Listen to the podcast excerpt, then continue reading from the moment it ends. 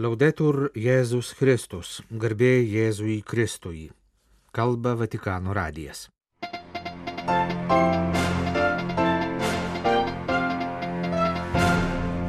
Sveikinimas popiežiaus vardu pasiūstas kasmetinio italų katalikų pasauliečių susitikimo Ryminį mieste dalyviams.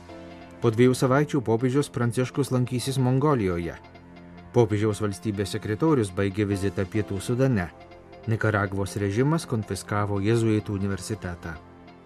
Pakistano vyskupai šį sekmadienį paskelbė maldos už santarvę šalyje diena. Rūpiučio 19-ąją minima pasaulinė humanitarinės pagalbos diena.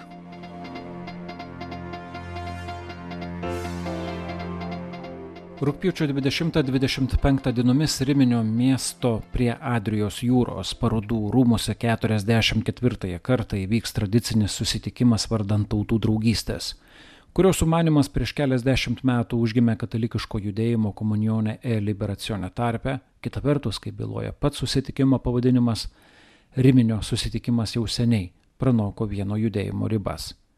2022 m. susitikime buvo surenkta virš šimto diskusijų, kuriuose kalbėjo virš 400 pranešėjų iš Italijos ir svetur. Buvo surenkta 14 parodų, parodyta 15 spektaklių. Veikė vaikų kaimelis, vyko sporto rungtynės, koncertavo muzikos atlikėjai. Susitikimo metu Riminio parodų rūmus aplankė per 800 tūkstančių dalyvių, kuriais rūpinosi per 3 tūkstančius savanorių.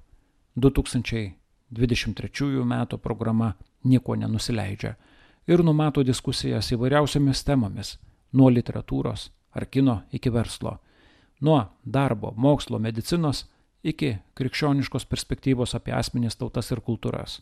Visas šias diskusijas apie praeitį, dabartį ir ateitį stengiamasi susijęti viena bendra tema - žmogaus egzistencija yra neišsemiama draugystė. Tokia tema drąsiai skamba šiandien, kai nauji karai žmonių širdise sėja naujas nuoskaudas ir baimės, kai vyrauja individualizmo ir abejingumo generuojami vienatvė ir atskirtis, kai kitas yra suvokiamas tik kaip varžovas, o globali komunikacija šias tendencijas stiprina ir rodos labiau būtų galima kalbėti apie epideminę nedraugystę nei draugystę. Pažymima tradicinėme popiežiaus sveikinime Riminio susitikimo organizatoriams bei dalyviams. Popiežiaus Pranciškaus vardu sveikinimą pasirašė jo artimiausias bendradarbis kardinolas Pietro Parulinas, popiežiaus valstybės sekretorius. Pasak kardinolo Pietro Parulino, popiežiaus Pranciškaus mokymas nusekliai išryškina Evangeliją kaip žmonių draugystės ir brolybės dėsnį, kaip nuolatinį kvietimą bei galimybę atsiverti Dievui ir artimui, išsivaduoti iš užsidarimo ir egoizmo peržengti įvairaus pobūdžio sienas ir barjerus, kurie mus skiria. Tuo pat metu popiežius taip pat nuolatos pabrėžia, kad tai neįmanoma padaryti atskirai vien savo jėgomis. Mums reikia vienas kito ir Dievo pagalbos. Kiekvienas asmuo yra Dievo atspindys. Tai yra žmonių draugystės, nepaisant jų skirtingumo pagrindas iš krikščioniškos perspektyvos. Popiežius laimina visus dalyvausiančius Riminio susitikime ir linkia, kad jis prisidėtų prie socialinės, žmonių draugystės ir prie tautų draugystės, rašoma kardinolo Pietro Parulino laiške. Rūpiučio 31-ąją rugsėjo 4-ąją dienomis popiežius Pranciškus lankysis Mongolijoje. Tai bus pirmasis popiežiaus vizitas šioje šalyje per visą istoriją. Popiežiaus vizitas Mongolijoje bus Dievo meilės mūsų šaliai ženklas. Italų katalikų žinių agentūrai SIR sakė Sanja Ming, organizavusi Mongolijos jaunimo kelionę į Lisabonoje vykusias pasaulio jaunimo dienas. Pasak jos, dalyvavimas Lisabonoje vykusiame didžiajame katalikų jaunimo iš viso pasaulio susitikime jaunoliams iš Mongolijos buvo pirmasis susitikimas su didžiaja bažnyčia nes katalikų bendruomenė visoje Mongolijoje turi tik pusantro tūkstančio narių. Bažnyčia Mongolijoje žengia pirmuosius žingsnius, todėl tokie įvykiai kaip pasaulio jaunimo dienos Lisabonoje, o ypač paties popiežiaus atvykimas į Mongoliją, negausiems mongolams katalikams tai labai stipri tikėjimo patirtis.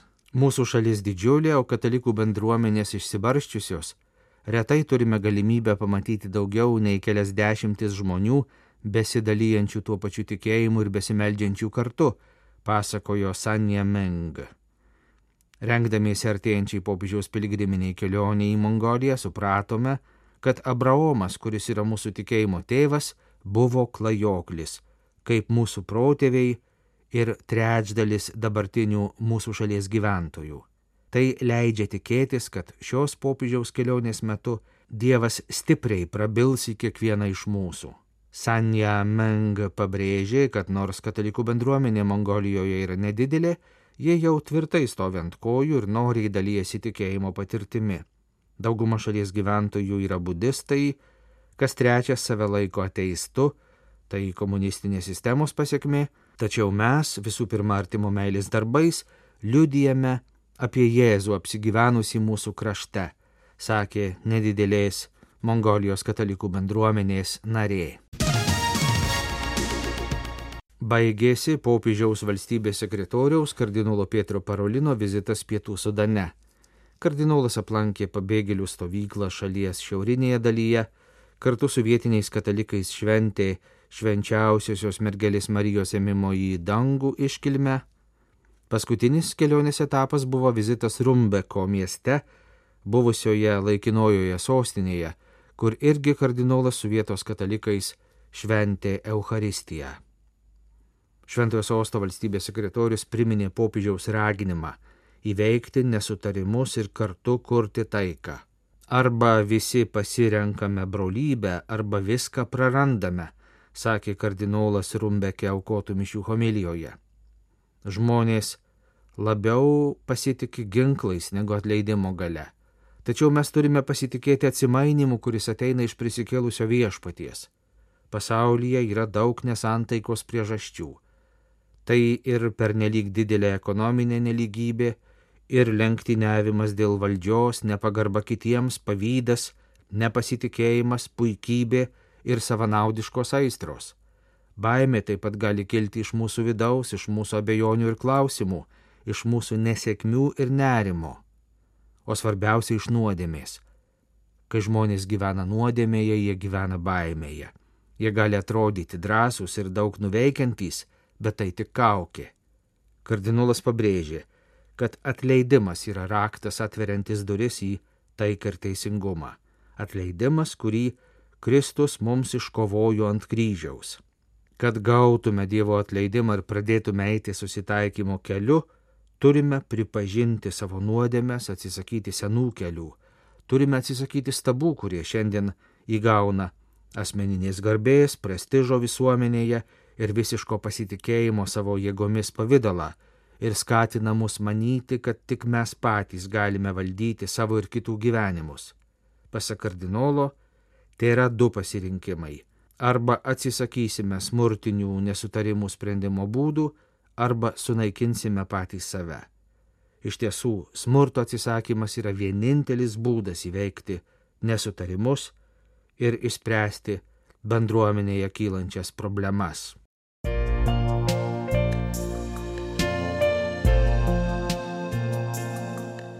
Jūs klausotės Vatikano radio. Tęsėme žinių laidą lietuvių kalba.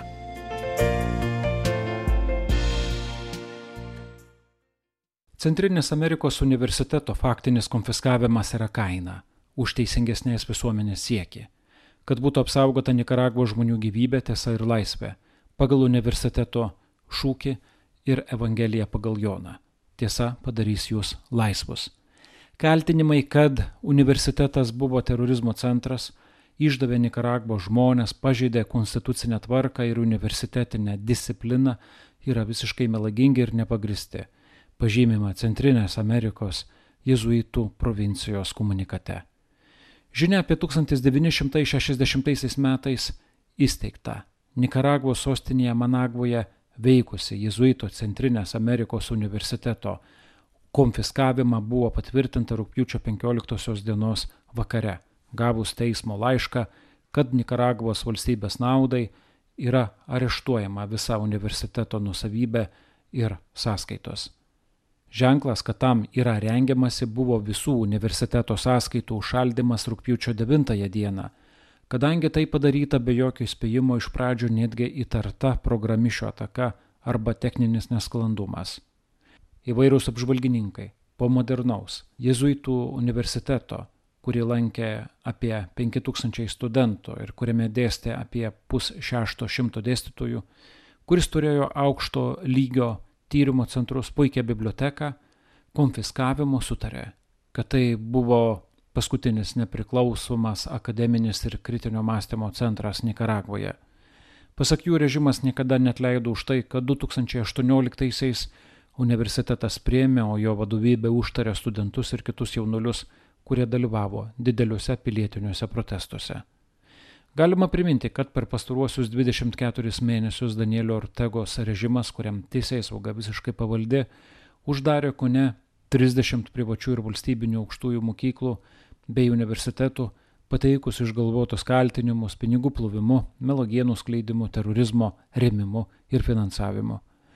Daug akademikų, įskaitant vadovavusius universitetams, buvo ištrimti, kaip tai atsitiko 2022 metais tuometiniam Centrinės Amerikos universiteto rektoriui jėzuitui Jose Idiaguesoj. Jis buvo paprasčiausiai neįleistas į šalį po to, kai bandė sugrįžti iš vienos kelionės užsienyje. Daug akademikų išvyko patys, nes pilietinis protestas dažnai reiškia represijas. Šiuo požiūriu galima prisiminti Matagalpus vyskupo Rolando Alvarezo nuteisimą kune 30 metų kalėjimo. Per pastaruosius 2-3 metus Nikaragvoje buvo uždaryta tūkstančiai asociacijų ir nevyriausybinių organizacijų, įskaitant parapijines, karitatyvinės draugijas ir interneto svetainės. Teisingumo teismuose neverta tikėtis, žinant, kad prieš keletą dienų generalinė prokurorė perinkta ilgametė režimo bendražygė Ana Julia Guido kuriai Junktinės Amerikos valstijos 2020 metais paskelbė sankcijas už politinių bylų fabrikavimą. Tiems universitetams, kuriems leista veikti, vadovauja režimo paskirti ir jam lojalūs vadovai. Kai kuriems universitetams leista veikti visiškai pakeitus vadovybę. Ko gero, tai planuojama pasielgti ir su Jėzuitų universitetu Managvoje. Rūpiučio 17-ąją pranešta, kad Nikaragvos universitetų taryba patvirtino naują Kazimiero Sotelo universiteto pavadinimą ir paskyrė vadovybę, kuri esą pasirūpins teisingų vertybių kitais žodžiais diktatūrai lojalaus ūkdymo užtikrinimo. Centrinės Amerikos universiteto Managvoje pasisavinimą pasmerkė Jėzaus draugijos vyresnysis Artūro Sosa iš Romos. Mes žinome, kad visi kaltinimai Centrinės Amerikos universitetui yra visiškai neteisingi ir nepagristi Be to iš jo buvo atimta teisė gintis. Sažiningas teismo procesas, nešališkas teisingumas atskleistų tiesą apie samokslą, kuri Nikaragvos vyriausybė vykdo prieš Centrinės Amerikos universitetą, prieš daugelį kitų katalikų bažnyčios šalyje iniciatyvų ir prieš tūkstančius pilietinės visuomenės institucijų. Rūpjūčio 17 dienos komunikate rašo Jėzuitų vyresnysis. Jėzuitų universiteto konfiskavimą Nikaragvoje ir kitas represijas rūpjūčio 17-ąją taip pat pasmerkė Junktinių tautų organizacijos generalinis sekretorius Antonijo Guterresas. Pakistano policija suėmė beveik pusantro šimto musulmonų dalyvavusių išpoliuose prieš krikščionių bažnyčias ir namus Džaranvalos mieste šalies rytuose. Išpolius sukėlė kaltinimas, esą vienas krikščionis išniekinęs Korano knygą. Rūpiučio 16 dieną trečiadienį įvykdyti išpoliai buvo vieni rimčiausių per pastaruosius dešimtmečius. Džaranvalos krikščionys pabėgo iš namų ir įsislapsti. Smurto mastai privertė valdžios institucijas nukreipti į miestą papildomas policijos pajėgas ir atsiųsti kariuomenę, kad mieste būtų įvesta tvarka. Jau rytojaus dieną krikščionys galėjo sugrįžti į namus. Per išpolius buvo padegtos penkios bažnyčios, kurių viena visiškai sudegė. Taip pat buvo padegta arba apgadinta daugiau kaip 20 gyvenamųjų namų. Išpoliai prasidėjo po to, kai keli musulmonai teigė matę, esą du krikščionys sudraskė Korano knygą. Pagal Pakistano įstatymus už šventvagiškus veiksmus arba pikdžodžiavimą prieš islamą gali būti baudžiama mirtimi. Tačiau nusikaltimas nėra aiškiai apibrieštas, dėl to ši teisinė norma dažnai tampa religinių mažumų persekiojimo priemonė, taip pat naudojama kaip ginklas asmeninėms sąskaitoms suvedinėti arba ginčiuose dėl turto. Pakistano vyskupų konferencija sekmadienį rūpjūčio 20 dieną paskelbė maldos diena už santarvę šalyje. Rūpjūčio 18-ąją išplatintame pareiškime vyskupai kreipėsi į visos šalies krikščionis po išpolių Džaranvaloje šį sekmadienį karštai melstis už taiką bei harmoniją šalyje. Vyskupų konferencija taip pat pranešė, kad ketvirtadienį, rūpiučio 17 dieną, Pakistano katalikų vyskupų konferencijos pirmininkas arkivyskupas Josefas Aršadas ir Multano vyskupas Jusafas Sohanas aplankė išniekintas Džaranvalos bažnyčias, guodė ir drąsino trečiadienį vykusių išpolių išgazdintus žmonės. Kasmet rūpiučio 19-ąją minima prieš 20 metų Junktinių tautų organizacijos įvesta pasaulinė humanitarinės pagalbos diena. Įvesti šią dieną paskatino 2003 rūpiučio 19 dieną Bagdade įvykę sprogimai, per kuriuos žuvo 22 humanitariniai darbuotojai, tarp kurių buvo Junktinių tautų organizacijos specialusis pasiuntinys Irake Sergio Viera Demelio. Pasaulinės humanitarinės pagalbos dienos proga Karitas Internacionalis prisimena ir pagerbė savo darbuotojus ir savanorius, kurie tarnauja kitiems, rizikuodami savo saugumo neretai ir gyvybėmis. Šiandien pasaulis susiduria su trimis pagrindinėmis grėsmėmis - didėjančia neligybė, daugėjančiais konfliktais ir klimato kaitos problema. Humanitarinės pagalbos darbuotojams tenka reaguoti į vis sudėtingesnės ekstremalias situacijas ir užsitęsusias krizes, rašo šią progą paskelbtame pareiškime Caritas Internacionalis generalinis sekretorius Alisteris Datonas. Mūsų humanitarinės pagalbos darbuotojai aukoja savo saugumą, kad tarnautų pažeidžiamiausiems. Caritas Internacionalis yra 162 nacionalinių karitas organizacijų veikiančių beveik visose pasaulio šalyse konfederacija.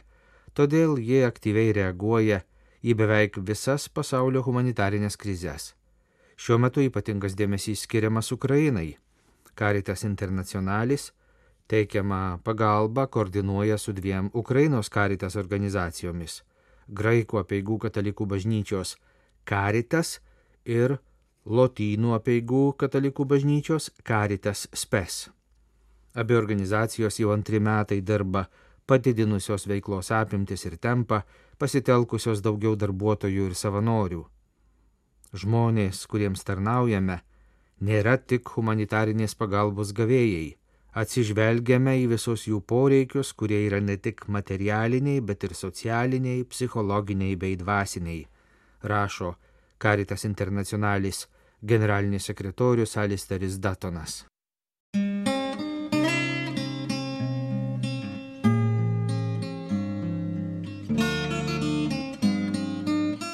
Kalba Vatikano radijas. Laidą lietuvių kalba baigėme. Garbėjai Jėzui Kristui, laudetur Jėzus Kristus.